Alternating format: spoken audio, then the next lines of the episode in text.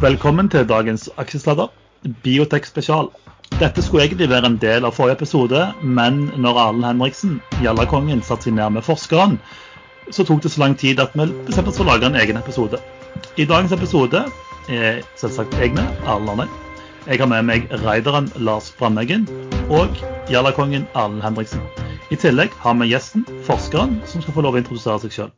Ja, jeg er da Lars M i denne sendingen. Men navnet mitt er Lars Mørland Knutsen.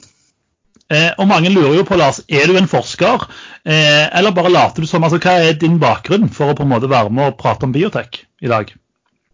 Eh, jeg er, eh, jeg er utdanna molekylærbiolog, så jeg begynte på Universitetet i Oslo å studere der. Og så tok jeg en master, og så holder jeg på nå på med en doktorgrad.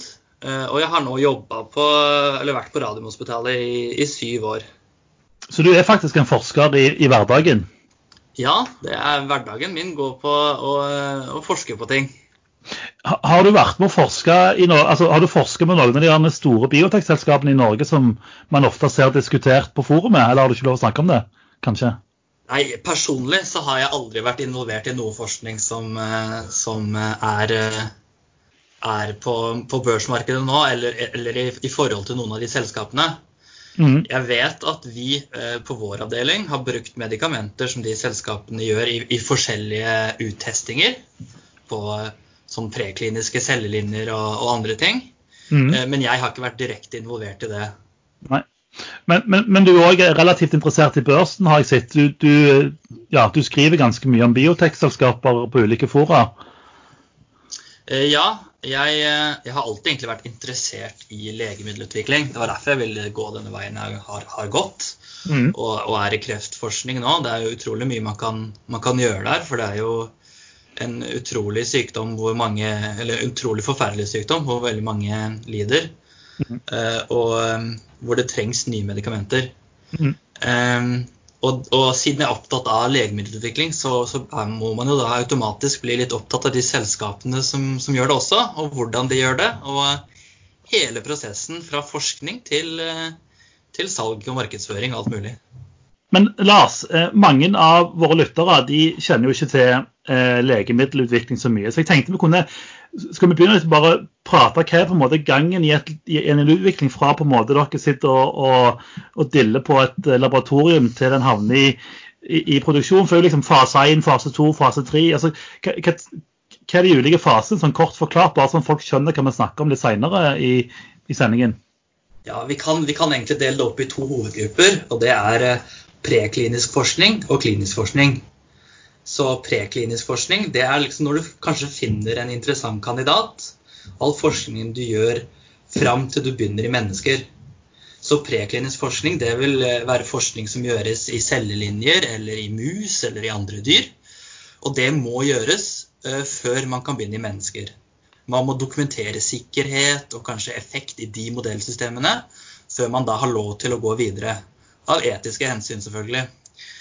Eh, når man kommer til kliniske forsøk, så er det litt mer komplisert. Vi snakker vanligvis om fase 1, fase 2, fase 3 og eh, kanskje fase 4 og hva som skjer i de forskjellige fasene. Men det er kanskje litt lettere å tenke på det på en annen måte. Og det er at man skal vise litt forskjellige ting. Eh, først så skal man vise at det ikke er farlig for pasienten, altså TOX. Og så må man vise, prøve å finne hvilken dose som er den beste dosen å gi og det kan eh, da foregå i et eh, fase 1 til fase 2-forsøk, som vi vanligvis sier. Og så vil man da prøve å vise effekt. Ehm, og det kan også foregå i fase 2, men også fase 3. Og, det er det som er grunnen til at eh, disse fasene, fase 1, 2 og 3, er litt kompliserte. For nå har de begynt å blande litt om hvor de viser effekt. Før var man litt mer at man kun viste effekt i fase 3. Og prøvde å finne dose i fase 2 og ikke viste at man ikke var eh, for toksisk for pasienten i fase 1. Eh, nå prøver man å være litt mer smidig, prøver å gjøre litt mer ting samtidig for å spare penger for selskapene og komme kjappere ut i markedet. Så man slår sammen faser litt og, og prøver å vise effekt allerede i fase 2. Men eh, jeg lærte noe nytt her når du sa at man også i preklinisk, altså på, på dyr og andre forsøk før man begynner på mennesker, så tester man også effekt. Det har ikke jeg vært klar over. Ja, man, man, eh, nå er det jo sånn at vi som regel driver med presisjonsmedisin nå om dagen. Og da vil man jo eh, prøve å vise effekt på det man egentlig skal behandle. Altså hvis man har et eh, protein eller en mekanisme som er årsaken til sykdommen, så, så, viser man som regel effekt i andre systemer da, eller modeller før man da går over til mennesket. Så er det også noe som heter pivotalfase. Det er vel fase to og tre slått sammen? Ja, pivotalfase er jo den man tenker at er siste fase før man kan søke om markedstilgang. Eh, om, om det er fase to eller tre, det vil avhenge litt av eh, hvor gode dataene er, og, hva slags data de egentlig får.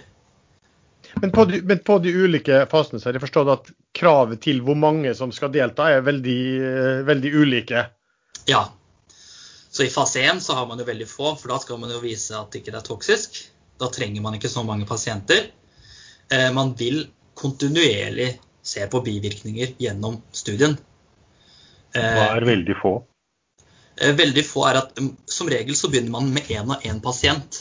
Og har kanskje noen måneder mellom doseringen. Det vil avhenge litt av medisinen man bruker.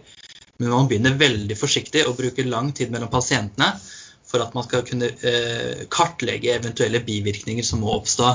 Dette kom jo ganske stygt fram når man eh, begynte med immunterapi og skulle sjekke ut dette, eh, så var det jo noen av disse immunterapiene som, som hadde veldig stygge toksisitetsprofiler.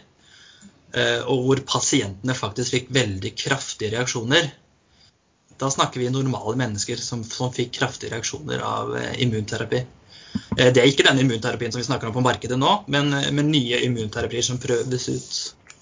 Men eh, Lars, sånn i fasein, bare siden på fasein, eh, er det ikke, er det hoved, altså jeg har hørt at i hovedsak er på en måte unge, friske menn man typisk tester det på, fordi de har altså Man begynner på en måte med pasienter eller kandidater som er så friske som mulig, før man beveger seg over på folk som har mm, gjerne andre typer bivirkninger. Eh, ja, det er sant. Eh, det er vanlig eh, hvis man snakker om en helt ny medisin. Eller, men hvis man har en medisin som har blitt brukt i veldig mange andre indikasjoner, eller sykdommer, som vi også kan, kan si, så kan man si at det, da starter som regel opp en, det de kaller en fase 1-2. Mm. Hvor de, de, egentlig er mest klar, de er ganske klar over toksisitetsprofilen. Og så ja. begynner de rett i de syke pasientene som de skal behandle. Ja. Før, før vi hopper vekk fra fase 1, jeg har en litt morsom historie som jeg ikke aner om stemmer. Men eh, for noen år siden så var det en hjertemedisin, eh, Sildenafil, som de testa på i fase 1. Eh, som i dag er kjent som Viagra. Jeg lurer litt på hvordan på en måte oppfølgingen av disse unge, friske mennene som fikk hjertemedisin i fase 1 var. Hva, liksom, hva bivirkninger har du når jeg har hatt ereksjon i tre døgn? det er jo det vi vil kalle en veldig klar bivirkning. Nei, Det har bare slått meg som at de som har fulgt opp, det er liksom bare Oi, shit, hjertemedisin kan vi drite i, men jeg tror vi har, har funnet noe annet. Siste episode så snakket vi jo veldig mye om Bergen Bio. Eh, og Bergen Bio har jo vært veldig hot i media. Eh, de har et medikament som jeg ikke klarer å uttale. Enfentinib. Ja, akkurat. Eh, som nå er tatt inn i et forsøk i England, som etter det jeg har lest, er en fase to fast track-studie. Uh, og hva, hva, betyr dette? Altså, hva en, nå har vi sagt litt om de ulike faser, men, men har de lagt på fast track i tillegg? Ja, dette er da bemsentimib, som er litt vanskelig å uttale. Uh, det med fast track det er at uh, mens disse fasene pågår, så har man jo regulatoriske organ i forskjellige land som man må forholde seg til. Sende inn søknader og, og dokumentere Eh, effekt og, og, lignende. Og i denne studien her, sånn, som helsemyndighetene i, i, England har satt opp, så er det da fast track. Det betyr at de får litt sånn eh, prioritert i behandling av eh, sine søknader og sin dokumentering, sånn at alt arbeidet på alt papirarbeidet skal egentlig gå veldig mye fortere. Studien er også lagt opp sånn fra, fra britiske helsemyndigheter at den også skal kunne gjennomføres veldig fort. En av grunnene til at det kan gjennomføres fort, er jo at uh, bensintinib allerede har eh, passert fase 1, som man vet uh, at er et sikkert produkt. Og det har vel også vist resultater i både Biola og, og Zika. Poenget er vel her at det er en biomarkør som heter AXL, som det ser ut som at covid-19 brukes for å komme seg inn i kroppen. Og da er vel hele målet å blokkere den biomarkøren, så vidt jeg har forstått det. Ja, altså det eh, Den blokkerer en, et protein som heter eh, AXL, eller AXEL. Og de har jo vist tidligere, som du sier, i både ebola og, eh, og Zika at, at de kan hindre denne mekanismen. Og noe av det er grunnen til at denne den er veldig interessant. Det som også er litt interessant, er at det nettopp kom ut en eh, studie fra noen uavhengige forskere i Japan. Ehm, dette er ikke den forskningsrapporten som ligger til grunne for at de, de bruker den nå i, i denne studien. Men, men, de la ut en studie hvor de hadde kikka på mus som de hadde behandla med RSV-virus, et virus som, som påvirker lungene, eh, og funnet ut at eh, Eh, disse musene ville da kunne få lungebetennelse eh, som form av eh, Som en effekt av den RSV-infeksjonen. Det de da fant ut, var at hvis de behandla disse musene med den akselinhibitoren til Bergen Bio, var at disse bakteriene som var årsaken til, til denne lungeinfeksjonen, denne sekundære lungeinfeksjonen, de ville forsvinne. Så du kunne altså bruke det eh, medikamentet til Bergen Bio for å, å forhindre eller behandle eh, sekundær lungebetennelse eh, forårsaket av en, en virussykdom i, i, lungene. Så jeg tror egentlig at eh, medikamentet til Bergen Bio kan, kan, foregå, kan, fungere på to ulike måter her. Både det med at, eh, eller egentlig tre. Både det med at det hindrer opptak eh, av virus inn i cellene. Og så hindrer det at eh, cellene som har tatt opp viruset, nedregulerer virusrespons. Så, så den virusresponsen den vil bli oppregulert med Bergen Bio sin, eh, sitt medikament. I tillegg så vil de også kunne hjelpe å stimulere immunforsvaret til å faktisk bekjempe mulige eh, bakterielle infeksjoner som kan gi eh, lungebetennelse. Og det er også veldig viktig. For det, lungebetennelse er en viktig sekundær død, mulig dødsårsak.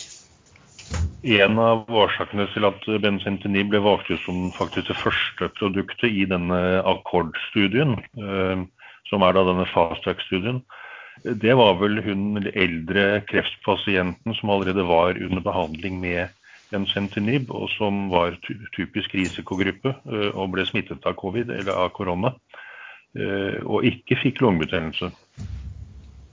Ja, og de, de, de, dro jo fram henne som et uh, veldig interessant eksempel på en pasient, pasient, som har det vi kaller for komorbiditeter. Altså de har mange andre tilstander som gjør de veldig utsatt. Kanskje høyt blodtrykk, uh, dårlige lunger.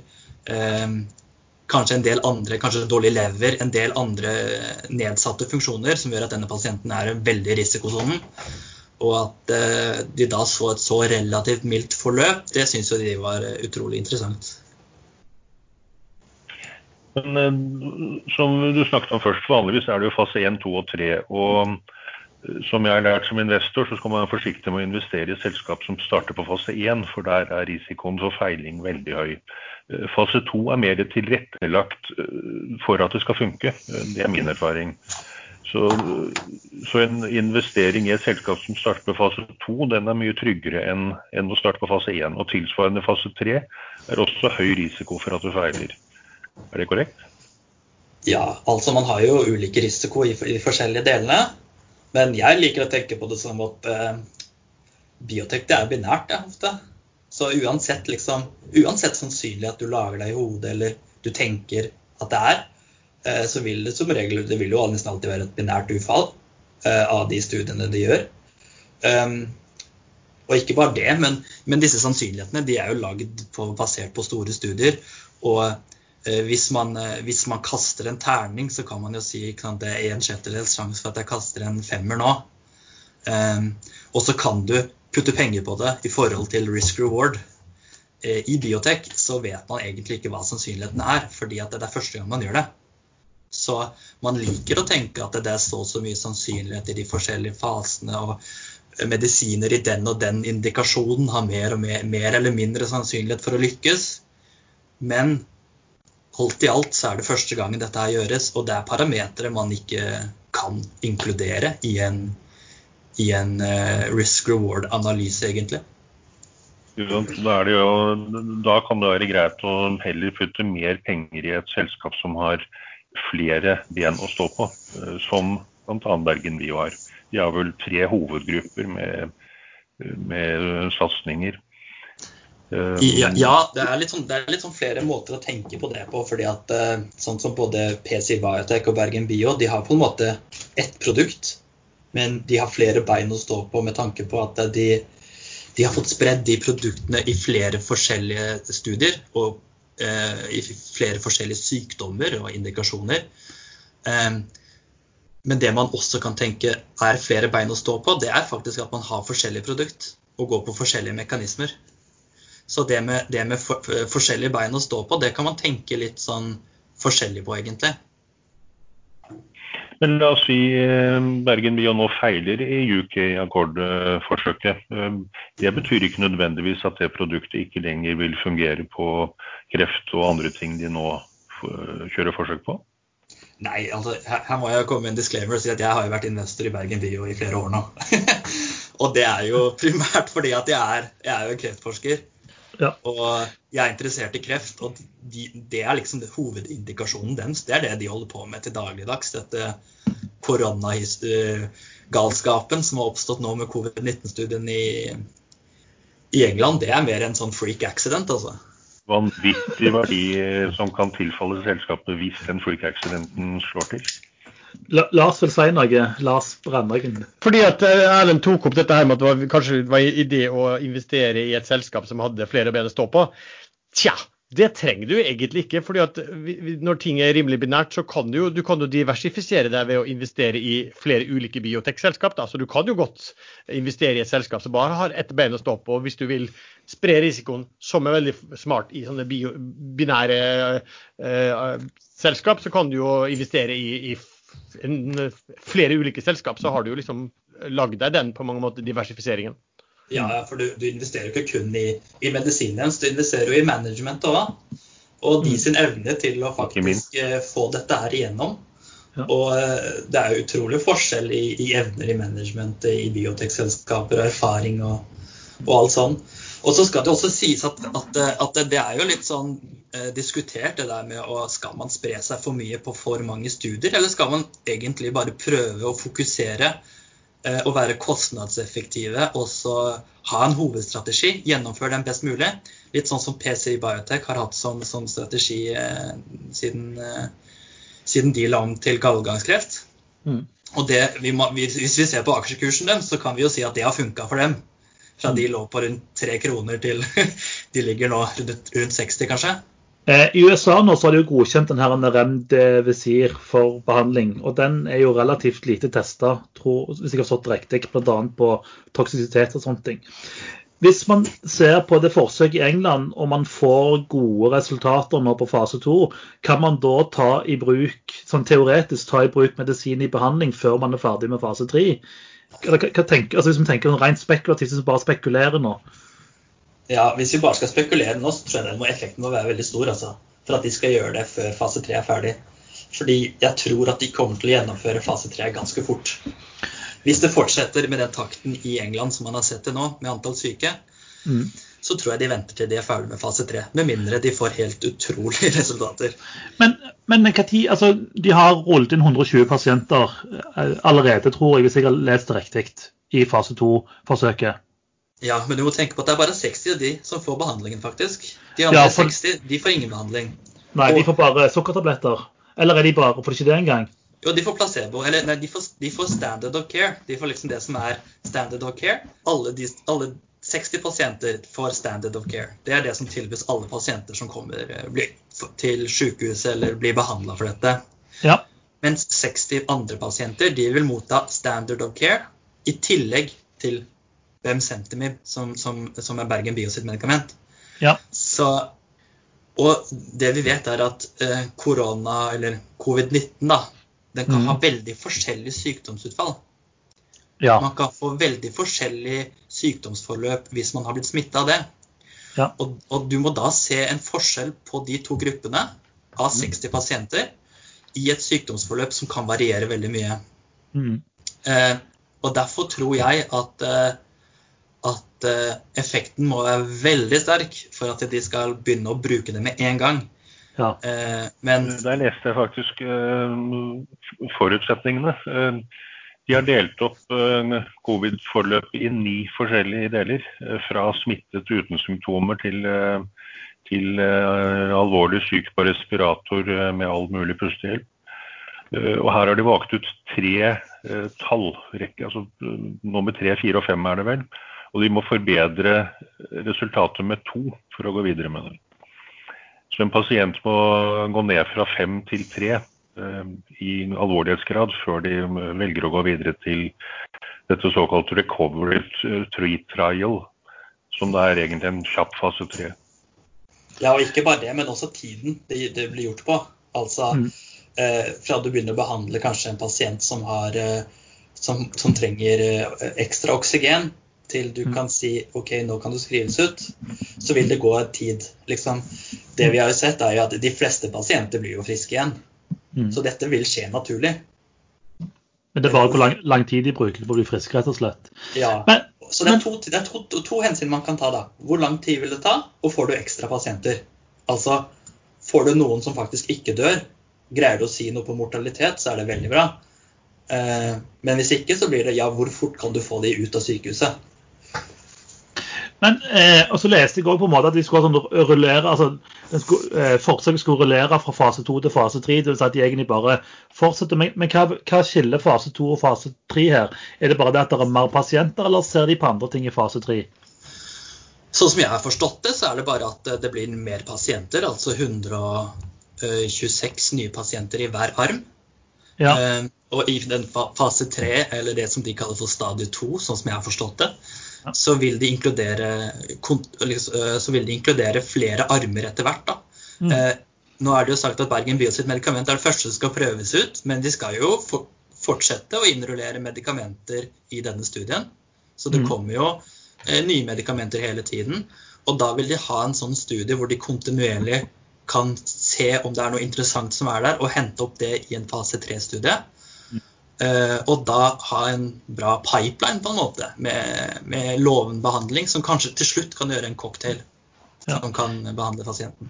Det mange lurer på liksom fra børsperspektiv, fordi det er mange som trader denne på nyheter.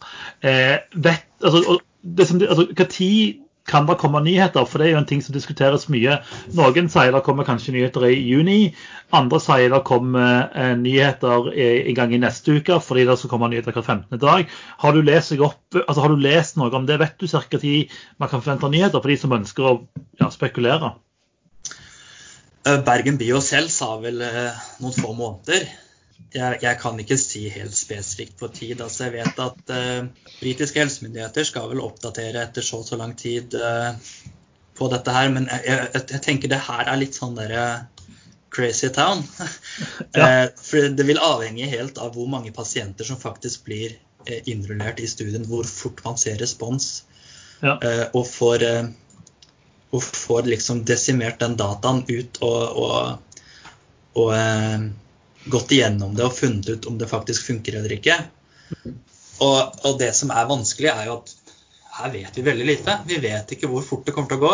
Vi vet ikke eh, når, om det er, om det er de, de britiske helsemyndighetene som kommer til å bare informere om at eh, ja, det medikamentet er ute, eller om Bergen Bio selv kommer til å ta det. Mm. Um, og det, det gjør det utrolig vanskelig å trade den aksjen. da, fordi at eh, du kan liksom ikke ha en run-up-periode mot noe Nei. som du vet kommer. Du har ikke en, du har ikke en spesifikk dato. Eh, sånn som eh, vi vanligvis gjør hvis vi vet at et eh, medisinsk selskap skal, skal presentere noen resultater på en konferanse. Så kan man jo ofte trade opp mot den konferansen, fordi man vet det kommer noe data. Mm. Og så kan man lage en, en, en strategi hvor man kanskje eh, kjøper lenge i forveien og så selger litt før resultatene blir eh, gitt ut, eller kanskje prøver å sitte over resultatet blir gitt ut for å se om det er veldig gode resultater.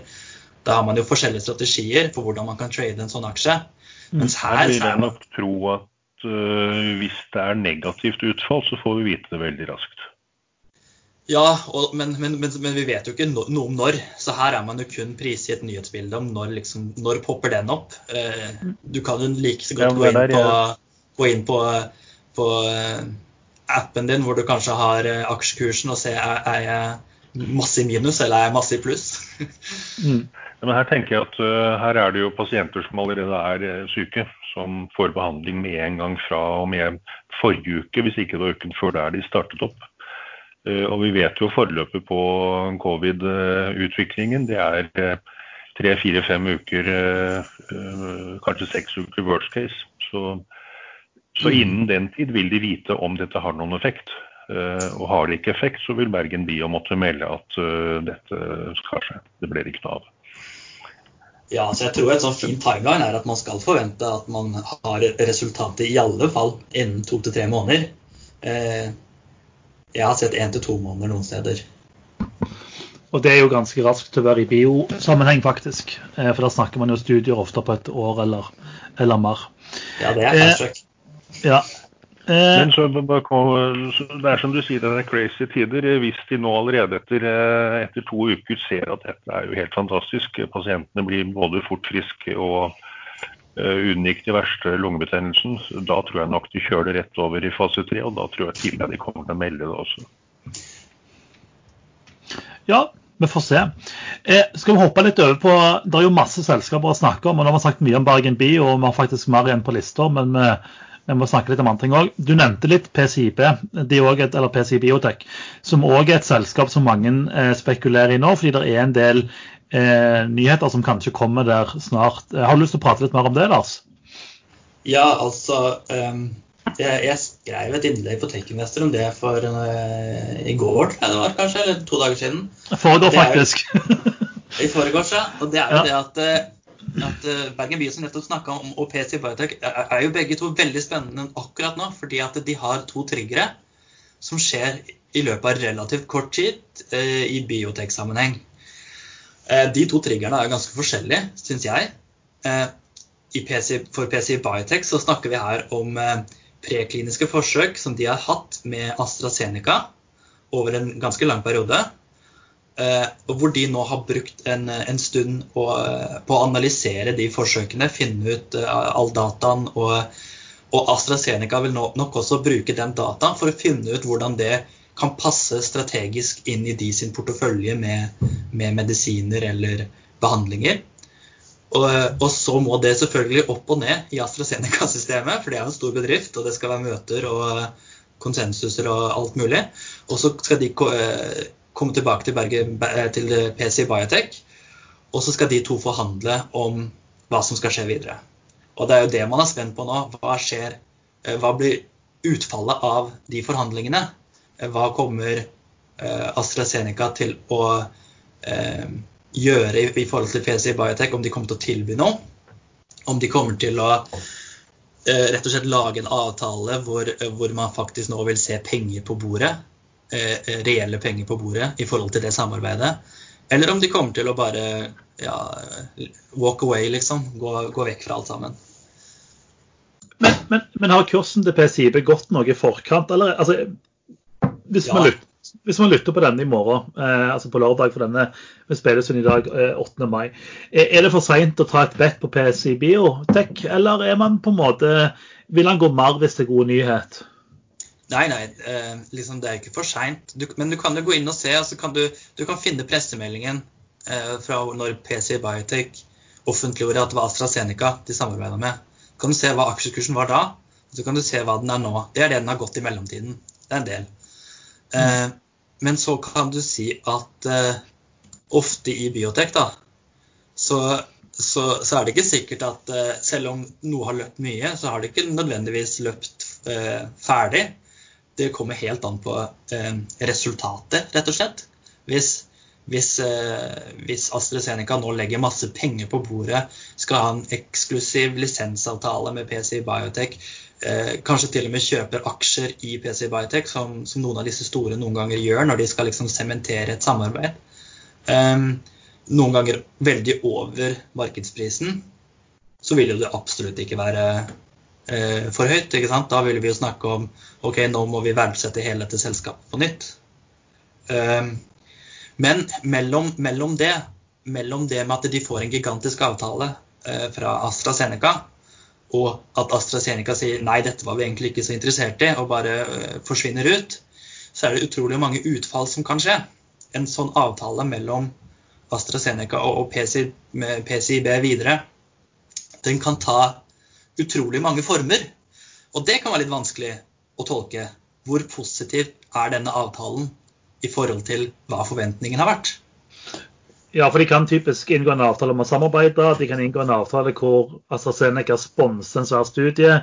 AstraZeneca kan kjøpe aksjer. altså Det er, ja, er mange, mange, utfall. Men uansett, altså så lenge utfallet blir positivt, så vil kursen egentlig gå. Spørsmålet er mer bare sier de nei, så er man ferdig. og da går ikke kursen, det går nedover, men ja. Jo, men man kan jo si, kan jo si det sånn også. Hvis, eh, hvis, AstraZeneca sier vi vil fortsette samarbeidet, men vi vil ikke gi dere noe. Ja. Du, det, det, vil jo være en fortsette. Er det positivt, eller er det, er det negativt? For det vil, være, det vil kanskje være prisa inn mer. Og da vil kanskje det være en negativ nyhet. Eller hvis AstraZeneca kommer tilbake og sier vi vil gi dere noe, men det er utrolig lavt i, i forhold til hva aksjonærene har sett for seg at de skal få og, og, det vil igjen gi et signal om det er det den teknologien prises til. Det vil også kunne være negativt. Men du Lars, jeg ser eh, på Twitter eh, hva, du, hva du har der. Og det, du har en veldig eh, morsom pin-tweet eh, som ligger der, som er, en, som er et utsagn fra en biotech-analytiker fra Edison. Eh, som var litt, litt morsom, der, der, du, der han biotech-analytikeren skriver at You see a billion dollar deal and think OK, Let me open the press release and see how much it really is, sier han. When you look at the deal or announcement, considered what's the minimal level of truthfulness that has to be there, has to be in there for the manager not to be in jail. Så det, det, det er litt sånn, det, er morsomt, men det, det du egentlig antyder, er, er vel at man skal være, liksom, være litt på vakt etter ganske mye spinn fra en del av disse selskapene når det gjelder resultater og, og avtaler som de inngår? Ja, altså disse selskapene, mange av de, uten at jeg skal snakke stygt om spesifikke selskaper, lever jo på spinn.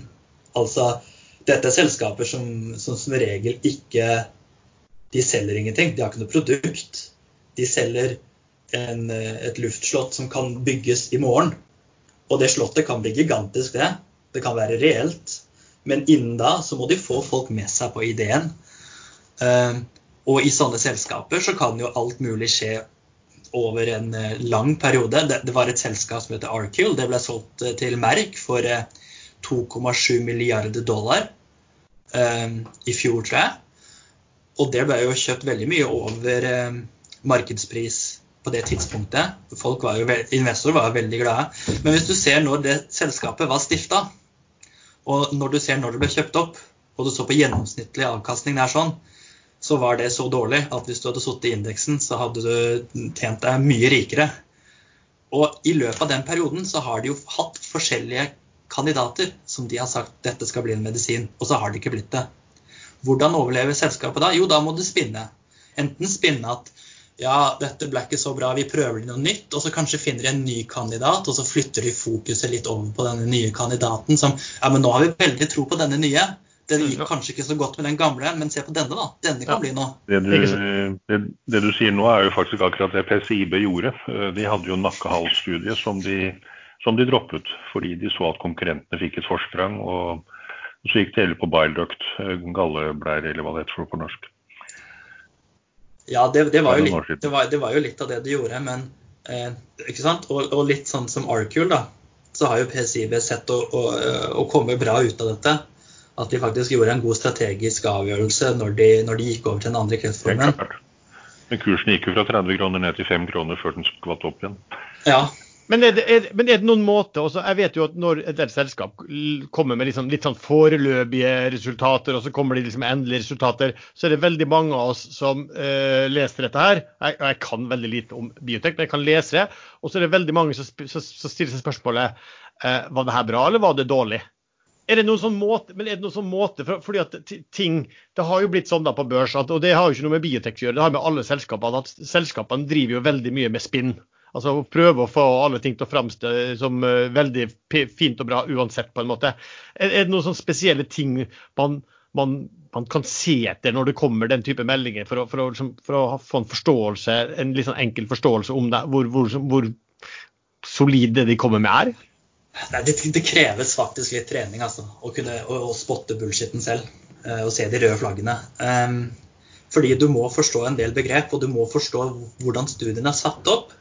Og du må forstå uh, parameterne de har målt.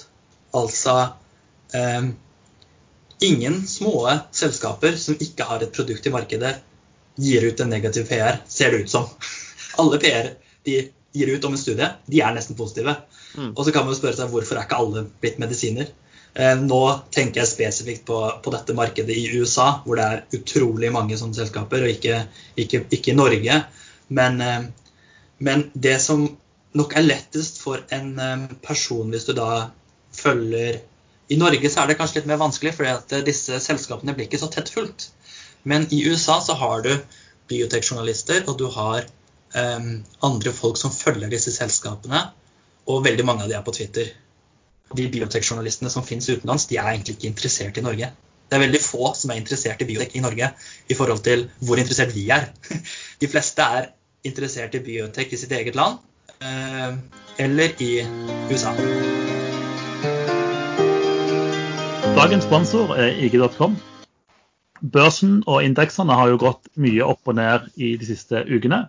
Spørsmålet er går de videre opp eller går de videre ned. Eh, hos IG så kan du enkelt både bette på børs og bette på indekser. Du kan vedde på at de går opp, du kan vedde på at de går ned. Og du kan òg gire med opsjoner eller turbo warrants.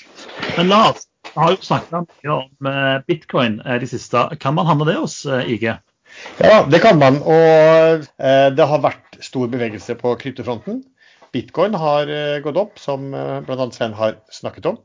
Og på IG så kan du altså handle contract for difference på alt fra bitcoin til etter, eller deres egne kryptoindeks med de ti største kryptovalutaene. Så eh, da er det bare å åpne konto på ig.com. Eh, bruk gjerne lenken til IG i beskrivelsen på podkasten. Hvis vi nå ser litt videre, Covid-19 har jo endret en del i verden. Blant annet har vi sett at uh, landegrenser blir stengt, og ikke bare landegrenser, men også eksport av råstoffer. Eh, og hele verden har vært avhengig av at Kina produserer såkalte aktive stoffer i medisiner. Eh, og eh, antibiotika osv. Hva tror du om framtiden nå? Vil Norge legge opp et løp hvor vi faktisk begynner å produsere både råstoffer og ferdige piller selv i Norge, og ikke, og ikke lar gode selskap som Algetta den gangen forsvinne ut av landet, og PCIB sikkert snart også, hvis de får det til? Ja, nå, nå, må det presiseres at Algeta forsvant jo egentlig aldri ut. Den er fortsatt i Norge. Den er bare eid av Bayer. Så, så de, de, de, jobber fortsatt i Norge, altså. I Danmark så har de Novo Nordisk og, og Genmab, som er i helt andre ligaer enn det vi har i Norge. Altså Danmark har vært mye flinkere enn Norge. Eh, for det som er med Novo, Nordisk og Genmab, de er, en, de er i en annen liga enn det de norske selskapene er. Eh, disse er jo gigantiske internasjonale selskaper som har avtaler med de største selskapene i verden, sånn som Johnson Johnson. Men, men, i Danmark så har man hatt eh, life science, biotek, farmasi. Det har vært fokusområdet for dem. De har lagt opp et løp fra det politiske til, til kliniske studier og, og, alt, sånn at det skal liksom trives og, og en, eh, ha en god grobunn i Danmark. Mens i Norge så har vi liksom vi har fokusert på helsenæringen på biotek litt sånn her og litt sånn der. Vi har liksom sagt det er fint å si at vi, vi, vi gir litt penger her, vi gir litt penger der, men vi har ikke hatt en helhetlig plan som, som har vært en sånn hvorfor, sånn, så stor fokusplan. Hvorfor? Hvorfor har vi ikke det? Hvorfor får vi ikke det? Nei, det er jo fordi at det har vært mye mer lønnsomt å drive med olje og gass og laks. Og, og det har jo det har nok vært en, en prioritet for Norge. og man må fokusere på der man, der man har lettest for å innhente penger. Og drive med lege, legemidler der er det ikke, jo, jo, men å drive med legemidler, der er ikke Norge i, i, så mye særstilling i forhold til resten av verden. Der konkurrerer vi på lik, med, på lik linje. Eh, egentlig nå så vil vi nok begynne litt bak, fordi at eh, i USA, Belgia, Danmark, Sverige, alle, alle disse andre stedene, så er det så er nok biotekmiljøet både større med at du har flere selskaper, men du har nok også mer spesialinvestorer, og du har eh, mer tilrettelagt for, for den venture-biten, og at du skal få spunnet ut ting fra akademia, og at det skal bli et nytt selskap. Eh, det er jo noe Norge har blitt flinkere på. Vi har jo mye flere selskaper nå enn det vi hadde for seks-sju år siden, som er på Oslo Børs, som er biotek. Men men vi kan ikke si at vi er flinkest i verden på det, eller at vi har hatt veldig, veldig mye fokus som land på det. Jeg, jeg, trodde, jeg, har alltid trodd at Norge har hatt et veldig bra forskermiljø. Alle liksom, siden Algeta har liksom snakket om at ja, masse bra forskermiljø i Norge, og Oslo Cancer Cluster og alt det greiene her. Men det du sier, at det er gjerne litt mer hype enn realiteten? Nei, nei, nei, vi må skille mellom forskning og, og, og selskap. Okay. Altså, eh, Radiumhospitalet hvor jeg jobber, vi er jo del av vi er noe som heter et Comprehensive Cancer Center. Og det er en sånn status som blir gitt til eh, veldig få sentre i Europa. Og det er fordi at du, du, du, driver med bra forskning, du har selskaper i nærheten, og du driver med klinisk utvikling, og du, du gjør veldig mye, og du gjør veldig mye som er bra. Mm. Eh, så forskning i Norge, det er strålende. Vi har gjort topp forskning innen hjerneforskning, innen kreftforskning. Antistoffer er vi flinke innenfor. Vi har veldig mye som er veldig bra. Ehm, det vi kanskje har trengt, det er å ta det hele veien ut på, markedet og, få invest, masse penger inn i sektoren. Få investorer eh, og folk som har erfaring med det med å kjøre sånne løp. Mm. Men eh, jeg har hørt noen rykter om eh, at Norge nå pga. covid faktisk skal eh, pumpe litt penger den veien. Selskapet som heter Vistin Pharma de produserer Metformin og selger det ut av landet som et råstoff til pilleproduksjon. Og de importerer råstoffene for å lage dette. Men nå skal de, nå skal de bygge opp en ny produksjonslinje og doble produksjonen av Metformin. Og det ryktes også i lokalmiljøet at de skal bygge opp en fabrikk for å lage pillene selv. Eh, kan det være noe eh, statlig tiltakspakke som legges fram nå for å få mer medisinproduksjon i Norge, så i hvert fall dekker eget behov av de viktigste tingene? Det kan det være. Jeg vet at det produseres vel noe medisin eh, i Norge. Det er, jeg husker ikke hva det selskapet heter som gjør det. Um, men det er vel om eh, Det er vel en, en, det er medisinproduksjon i Norge. Men norske staten de bruker jo lager. De, de tar jo som regel og, og bare kjøper inn dokk sånn de har for en viss periode av det viktigste istedenfor å produsere selv.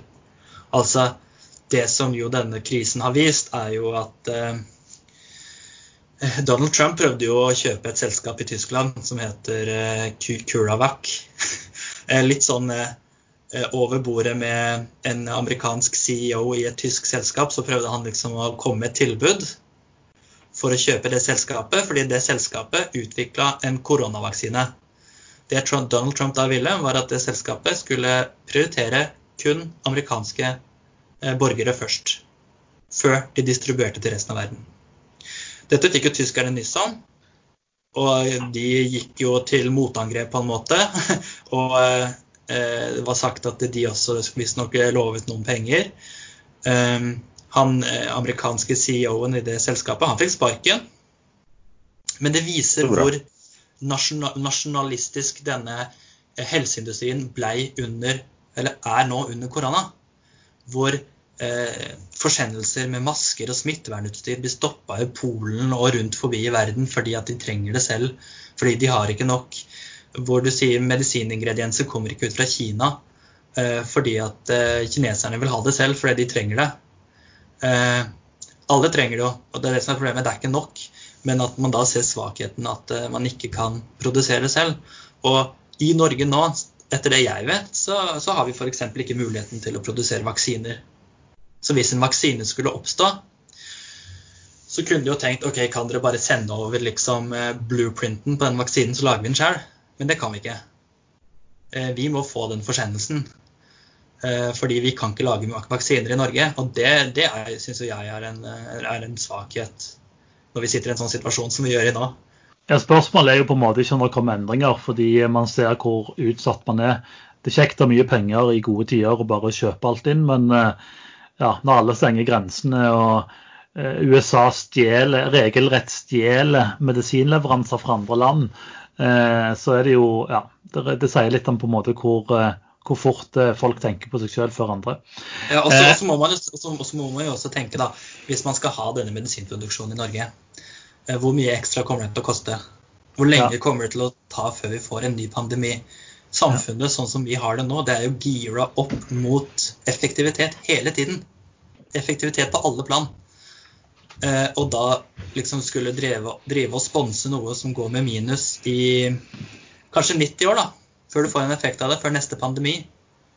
Er det noe man skal gjøre, bare fordi at man skal ha litt flere jobber i Norge, men egentlig litt sånn jobber som, som, som totalt sett er en utgift?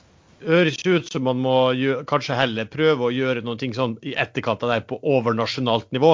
Eh, I så måte at man blir enige om visse kjøreregler, sånn at man kan få gjort det på en effektiv måte. Produs, få produsert medisin eh, og legemiddel hvor de kanskje bør produseres, eh, men sørge for at, at man unngår en sånn eh, slåsskamp om eh, om uh, legemidler når, når, når det blir en krise. Så, så, så, som du sier, det kan jo ta veldig lenge til, så det kan jo bli veldig dyrt hvis alle skal begynne å produsere på hjemmebane.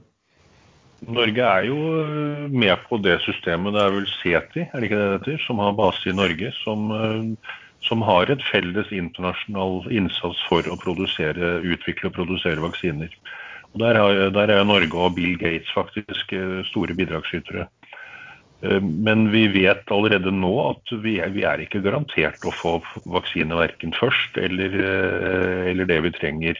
Fordi det systemet er ikke godt nok. Det er ikke laget et godt nok fordelingssystem.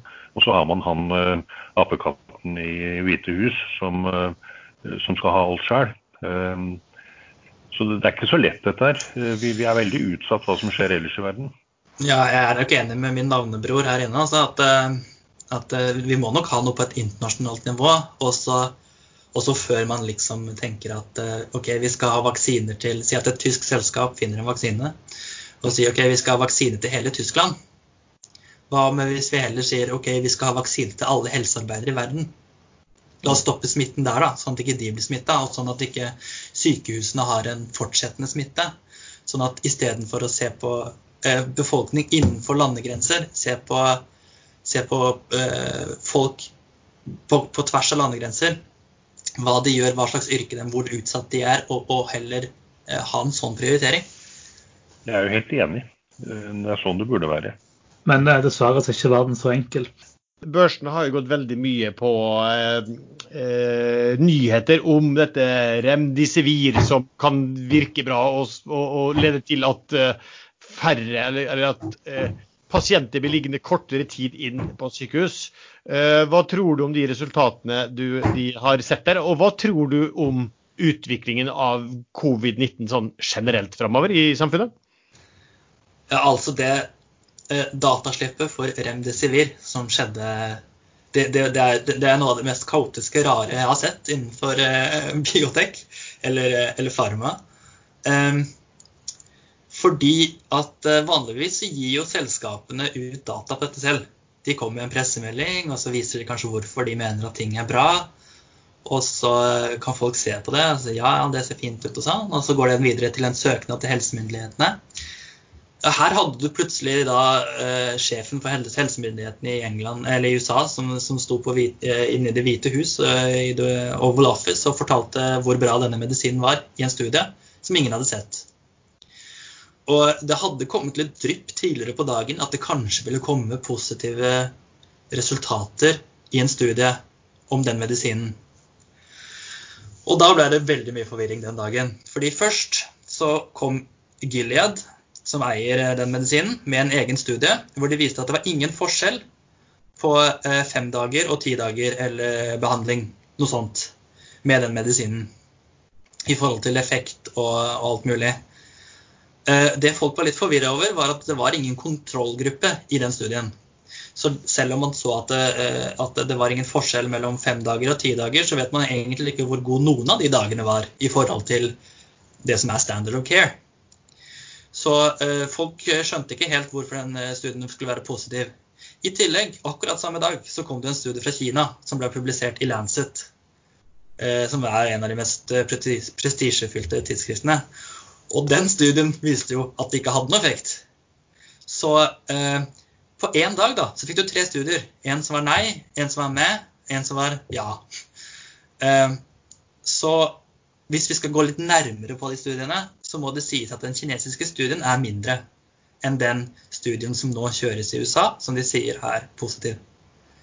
Eh, Så de, hvis de har et positivt funn i den studien i USA, så kan det være pga. at de har flere pasienter inkludert, og at det derfor kan være lettere å se statistisk signifikante forskjeller mellom gruppene enn det det var i den eh, kinesiske studien. Så det jeg tror, er jeg tror faktisk at de resultatene som har kommet nå, er, er, er reelle. Jeg har tro til han eh, Hvor er det man uttaler navnet hans? eh, Fauci, Fauci eh, i USA. Fa- Fauci har jeg lært. Fa Fa Fauci. Eh, Jeg har tiltro til at han, han vet hva han snakker om. Altså. Han, han eh, slo seg opp under eh, hiv-epidemien, så han, eh, han vet om dette med epidemier og virusbehandling. Og eh, nå gikk jo Japan ut og godkjente eh, denne behandlingen i Japan også. Det syns jeg er litt rart, fordi at eh, Japan krever som regel at eh, eh, studier, eller medisiner som de skal godkjenne, må kjøres i Japan. Eh, og jeg har ikke sett at den studien har blitt kjørt i Japan enda, eller sett resultat fra den. Eh, så jeg vet Det ikke om den har gjort i det. bakhodet her eh, det man Ja, må det i er ha i bakhodet, er at det er voldsomt politisk press. Uh, Fauci er utsatt for politisk press. Han vet at hvis han ikke jatter litt med, så blir han sparket ut. Eh, og Japan eh, har eh, mange grunner til å, eh, å, å løpe etter Trump. Eh, Men det man skal Fauci skrev eh, i en artikkel, eller uttalte like etterpå, samme dag, eh, at det han, han ser på remdesivir som ett av flere, en av flere medisiner som kan på sikt vil bli brukt i en cocktail mot covid, og som da vil funke etter hvert. Og Han kalte det faktisk et babystep. Så da ser man nok mer hva han egentlig mener, enn det han sa offentlig først på dagen. Ja, og det er nok riktig. Liksom sånn, vi ser jo først nå vi ser jo små forbedringer, og så vil de nok bygge videre på dette framover. Ehm, jeg tror at, eh, at eh, når du spurte om hva jeg tror videre med tanke på covid-19, så er det, det er jo en åpen bok, eh, som vi forskere liker å si. Vi vet ikke. Ehm, jeg er ikke en epidemiolog, men ehm, jeg har jo kikka litt på spanskesjuken, hva som skjedde der, og hva som har skjedd litt i andre sykdommer og sånn. Og man snakker jo om disse andre og tredje bølgene. Men man snakker også om eh, på en måte at de kan komme i forskjellige sesonger. Så det kan godt hende at vi nå får en liten stilleperiode frem, eh, gjennom sommeren. Og at eh, til høsten igjen så kan det blomstre opp når det blir litt kaldere, litt kjøligere, i temperaturer hvor denne, dette viruset er litt mer stabilt. At det da eh, kommer til å blomstre opp igjen, og at vi da får en ny runde. Om viruset da er mer farlig, mindre farlig eller like farlig, det, det er vanskelig å vite. Men, men eh, forskere i, eller leger i Italia har jo nå sett at det, går mye bedre med de som blir syke nå i Italia. Så det de lurer på, er om enten viruset har blitt mindre farlig, eller at alle de mest utsatte allerede har dødd. Og det er jo to ganske forskjellige realiteter. Det er jo også Eh. en kombinasjon med at helsevesenet blir jo sprengt. Dette kommer så overraskende på oss. De hadde jo ikke nok av noen ting. Eh, Og nå er de jo mer forberedt på å ta imot og behandle og isolere de pasientene som eh, kommer. Ja, og de har jo også endra en del på andre ting. Liksom, det er mye, mye man har lært fra den første bølgen. Italienerne var jo veldig sånn på at de skulle gjøre alt riktig, så alle som hadde covid-19 skulle inn på sykehus. Det var jo ikke smart. Nå sier man hold deg hjemme til du er så syk at du må legges inn. Mm. Hvis ikke så sprenges alt, og så får vi smitte overalt. Og det hadde jo Italia i stor grad. Du spurte litt om eh, avga generell avkastning i norsk eh, helsesektor. Og det er jo litt spennende, fordi eh, hvis man ser på market cap på de, noen av de, de som jeg kaller sexy aksjer, Targovax, Photocure og Nano, og de som driver med kreft, og, og altså hva man tar med Biotech Pharmacon der hvis man vil. Um, hvis man ser på de aksjene over en periode, så ser man at når Nordic Nanovector var på topp, eh, når den aksjen sto i 129 kroner for eh, herrens år siden, i 2015 eller 2016 eller når det var, um, så, så, så, var det så mye mer penger i helsesektoren enn det det var de neste tre årene. Så etter, når etter den var på topp, så begynte pengene å falle fra i sektoren. Og det man har sett, er at man har ikke tjent penger på å sitte i den sektoren over tid. Eh, en periode så kunne det nærmest se ut som at det var liksom storleken. Eh, kanskje den ene aksjen gikk opp, og så gikk den andre litt ned. Total market cap i sektoren den, den rikka seg ikke så mye. Kom det et nytt selskap på børs, så ble det ikke tilført så mye nye midler inn i sektoren. Eh, de ble bare bytta hender på. Så kanskje noen andre aksjer gikk ned, og så kom det et nytt uh, selskap uh, inn i sektoren. Og så var sånn cirka market cap det samme. Det man nå kan håpe, er jo at uh, Nordic Nanovektor de begynner å bli, gå mot slutten av sitt forhåpentligvis regulatoriske løp, hvor de skal sende inn søknad og kanskje få medisinen sin godkjent. Bergen Bio har nå Eh, covid-19-studien ja, hvor alt kan skje. Det er jo totalt galskap. Og PC Biotech har eh, AstraZeneca-avtalen som kan komme. I tillegg til at Photocure nå begynner å tjene penger. Det er fire ganske viktige ting som kan gjøre at, eh, at flere investorer kanskje får øye opp for en sektor som, som før bare har ligget litt brakk. Som før har vært ganske bingo. Eh, mm. Man trenger en påminnelse, litt sånn som Algeta, at eh, det kan bli ting her.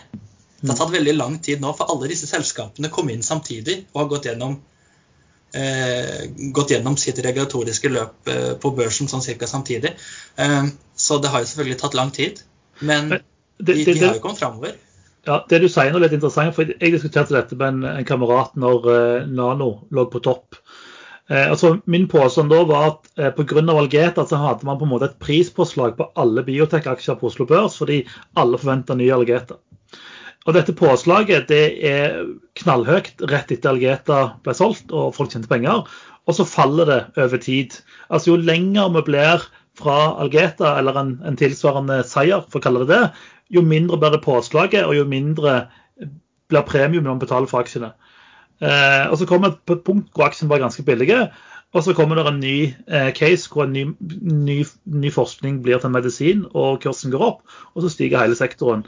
Og det du sier, passer egentlig ganske godt til det jeg har observert og diskutert med de jeg kjenner som, som handler mye biotek. Altså man, man, går litt i faser. Eh, så det er veldig dyrt å kjøpe rett etter et selskap har lykkes. Og så er det billig å kjøpe en stund etterpå, når på en måte alle har gått, gått leie da, av eh, markedet. Men, ja. men, men som du sier, så er det jo veldig mye spennende på gang. Det er veldig mye spennende selskaper som, som nærmer seg da eh, mål, eh, hvor de enten da eh, vinner eller feiler. Eh, jeg satt jo faktisk i Klavis når de fikk eh, den gode nyheten sin. Så jeg eh, logga på børsen på morgenen, eh, hadde noe penger i Klaves, og så går jeg på do. Og så kommer jeg tilbake, og så mangler det null i den summen. Eh, og jeg brukte ti minutter på å skjønne hva skjedde her, men, men studien deres feila jo, og selskapet ble nedlagt. Eller ble vel... Som gamle Bionor, det. Ja, stemmer det. Bionor hadde annonsert at det skulle komme nyheter på mandagen. Um, så folk tradet opp mot den, og uh, veldig mange hadde da solgt på, på, fredag. Men torsdag kveld kom nyheten, og den var veldig negativ. Ja. Jeg, og da startet den aksjen uh, 70-80% ned eller noe sånt. Da tenkte jeg da er det bare å ta med seg resten og selge og glemme det og gå videre. Så går det en ukes tid, og så plutselig kommer det med kontramelding at nei, de hadde allikevel sett effekt på den hiv-medisinen. Så, så, de satte i gang igjen, og kursen mer enn doblet seg på, på samme dag. Men, men, tenk, men, tenk hvor absurd det er, da. Sitte med, du sitter med aksjer i et selskap som, som, driver og utvikler medisin for hiv. Og så kanskje ikke du får med deg så veldig mye på noen måneders tid, og så plutselig så har du aksjer i et eiendomsselskap som heter Solon Eiendom. og så tenker du hvor er Bionor-aksjene mine? Å oh, ja, er det, er det jeg holder på med det? ja. ja, den er ganske interessant. Jeg har lovt en eh, investor på ekstrainvestor å spørre om et selskap som ikke har vært nevnt i det hele tatt, Gentian. Eh, kjenner du noe til det selskapet, Lars? Jeg har hørt om det selskapet, ja. Vi driver og utvikler antistoffer for uh, testing. Det var en, en forumskriver som, som, som, lagde en tråd på den gang, hvor det skrev uh, Gentian. Noen, noen drevne folk med noen kyllinger på Ås lager Norges svar på Terranos. Eh, det er jo selvfølgelig ikke Norges svar på Terranos, eh, for de som vet om det selskapet som bare var juks og fanteri. Eh, dette er jo noe som faktisk funker og ser ut til å fungere bra. Og jeg vet at det er veldig gode det er et veldig godt miljø for antistoff i Norge. Både ute i Ås og på Rikshospitalet så er det, det er folk som er veldig flinke på antistoff. Men Bergen har jo også antistoff i porteføljen sin. Det har de. Men, men, jeg er ikke sånn spesielt uh, satt inn i, i, i, Gentian og hva de liksom har videre på tapetet. Det jeg vet, er at uh, dette er utrolig kompetitive markeder. Som, som mye annet. Uh, å drive med testing. og det er utrolig store selskaper som er involvert der. Og for å ha en edge, så må man liksom Da må man ha noe spesielt, altså. Ja, så det er vanskelig. Altså, det, er, det er ikke så store marginer der med andre ord fordi det er mye konkurranse, er det du sier? Jeg skal være forsiktig med å si at det ikke er noen marginer her, for det, det, vet jeg liksom ikke helt. Men, men, men, du har selskaper som Abbott og Myriad og eh, svære selskaper internasjonalt som, som, driver på med det her, og som har selvfølgelig utrolig god kompetanse og ekspertise innen det. Mm. Eh, og da må du konkurrere, ikke bare med teknologi, men med produksjon og med og ikke bare med produksjon, men du må også selge det. Og, og, det er noe som folk tror innenfor biotek. De tror at eh, hvis du har bra resultater, så selger det seg selv. Og det gjør det jo ikke. Nei, Fotokur har vel fått bevist det. Algeta, Algeta droppet jo hele det siste salgsdelen og solgte alt til Bayer for 50 ganger ganger kursene var på et par år før. Så, så det kan jo også skje med et selskap som Gentian hvis de finner noe som andre syns er interessant, som Majors Pharma Major syns er interessant, så kan det jo bli kjøpt opp. Jeg kan garantere deg at det er det alle biotekselskaper i Norge håper på. At de slipper å komme til et steg hvor de må drive med salg. Må bare si en siste ting før vi ja. fortsetter. Jeg var ganske ja. imponert, fordi jeg, jeg, hørte jo gjennom. Jeg ville jo høre gjennom for å få en liten følelse for format og sånn. Jeg må si jeg var ganske imponert når jeg hørte på podkasten 11.1 at uh, Erlend hadde en eh, Black Swan der som bare skikkelig slo til. Den, uh, ja, den, nei, den fungerte, det. Men, du, du, nå, nå kan du bli men, men Lars Dr. Doom uh, i norsk finansmarked. Det jeg ikke skjønner, er faktisk uh, Allerede 16.1 så kom Neil Ferguson i London på, British, på Imperial College med sin eh, analyse av situasjonen, og han fastslo at dette hadde allerede spredt seg worldwide. Eh, at det var bortimot umulig å stoppe en pandemi. Så hvorfor ikke aksjemarkedene og resten av verden skjønte dette lenger før, det, det skjønner jeg faktisk ikke. Det er nok fordi at eh, man, man, hadde erfaringer med at man kunne gjøre det. Med SARS f.eks. Det var mye om dette viruset man ikke visste i begynnelsen. F.eks. hvor effektivt det smitta, hvor lang inkubasjonsperioden faktisk var, hva symptomene var og alle disse tingene. Og man så jo både med SARS og MERS og ebola at eh, nå er jo dette helt andre epidemier, men SARS er jo ganske lik. Det er også et koronavirus. Eh, hvor man greide å vise at selv om man fikk smitte til andre land, så greide man å kontrollere det. Man greide å stoppe det selv om det var worldwide. Hovedpoenget der var at den, de fleste som fikk SARS, de ble veldig syke veldig fort. Ja. Uh, mens uh, covid-19 uh, sprer seg mye asymptomatisk. Det sa Neil Ferguson allerede 16.1 i den, den beregningen sin. Jeg tror vi er ferdige. takk for tida di, Lars M. Dette var veldig gøy. de som vil høre mer av deg, du er jo litt aktiv på sosiale medier. hvor kan man følge deg, henne, hvis man vil se hva du skriver? du kan følge med på Twitter. Lars MKN. Ja. Jeg er også mye på TechInvestor og på Shareville. Mm. Jeg blogga litt før, og så fant jeg ut at jeg må jo drive med doktorgraden min, så jeg slutta med det en periode. for ja. å få fokuset litt tilbake. Men uh, det, ja, det er mine primære kanaler. Vi takker for de som har hørt på dagens episode med Aksjesladder Biotek spesial. Vi håper du likte episoden. Gå gjerne inn og gi fem stjerner på Apple Podkast. Det hjelper oss eh, med mer synlighet. Hvis du likte episoden eller var uenig, så kan du diskutere med oss på Aksjesladdergruppa vår på Facebook eller Aksjesladderkanalen på Ekstra Investor. Ha en fin dag.